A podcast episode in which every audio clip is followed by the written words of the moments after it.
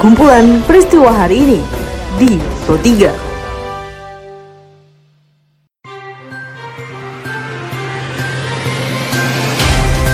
Halo pendengar, selamat berjumpa kembali di podcast Pro 3 RRI dengan kumpulan peristiwa yang terjadi pada hari ini. Seperti biasa, pendengar pada podcast ini saya akan mengulas isu-isu aktual yang saat ini masih hangat juga ramai diperbincangkan di sekitar kita. Tentu saja pendengar nanti akan saya hadirkan cuplikan informasi dari reporter kami. Saya Tika Nantia, inilah kumpulan peristiwa Pro 3 di ruang dengar Anda. Pendengar sebelum masuk ke dalam beberapa isu aktual yang tentunya akan saya hadirkan sesaat lagi, saya mengundang Anda terlebih dahulu untuk mampir ke laman berita kami di rri.co.id.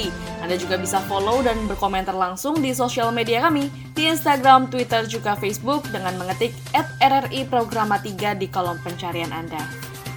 Pendengar informasi pertama dikabarkan reporter Safira Amalia, di mana sebanyak 12.000 lebih tenaga kesehatan telah dilatih untuk pelaksanaan vaksinasi COVID-19. Hal itu disampaikan oleh Sekjen Kemenkes Oska Primadi. Artinya semuanya berjalan sesuai dengan rencana kita dan insya Allah kesiapan-kesiapan itu kita jaga dari sisi jumlah proporsional dari semua provinsi akan tercakup. Tentunya modul-modulnya itu kita adaptasi kepada yang selama ini sudah menjadi kurikulum dalam bentuk uh, virtual. Anggota Komisi 9 DPR RI dari fraksi PKS Neti Prasetyani meminta kepada pemerintah untuk meninjau ulang rencana pemberian vaksin Sinovac karena dianggap belum menyelesaikan beberapa tahap uji dan pemberian izin.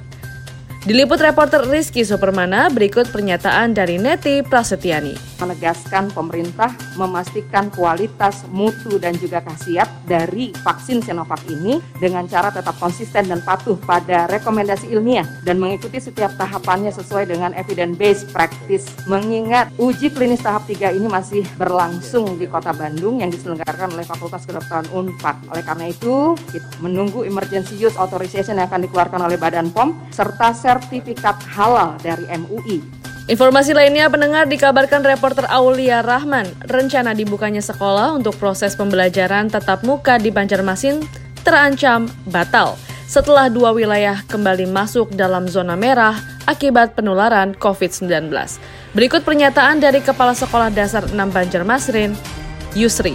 Melihat persiapan kami sesuai dengan edaran anjuran kami laksanakan apa pun itu sarana prasarana baik itu masker semuanya sudah kami siapkan dan melihat anjuran kepala dinas berdasarkan hasil yang sekarang kami sangat mendukung untuk ditundanya itu Sementara itu, pembelajaran tatap muka di wilayah Kabupaten Rembang dihentikan setelah sejumlah guru di dua sekolah yang melakukan simulasi terkonfirmasi positif COVID-19. Diliput reporter Mifta, berikut penjelasan dari Kepala Bidang Pembinaan SMP Dinas Pendidikan Pemuda dan Olahraga Kabupaten Rembang, Lilik Murdiatno. Kelas itu satu guru yang kena positif, maka kita minta untuk dihentikan untuk SMP 1 Sale. Ada empat sekolah itu kan ada Gerakan, Sale, terus Pamotan, dan Sumber.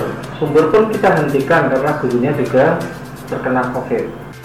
Baiklah pendengar, informasi tadi mengakhiri perjumpaan kita pada podcast edisi hari ini. Dengarkan terus podcast edisi hari lainnya dan juga hari ini tentunya di Spotify dengan hanya mengetik Pro 3 RRI di kolom pencarian Anda.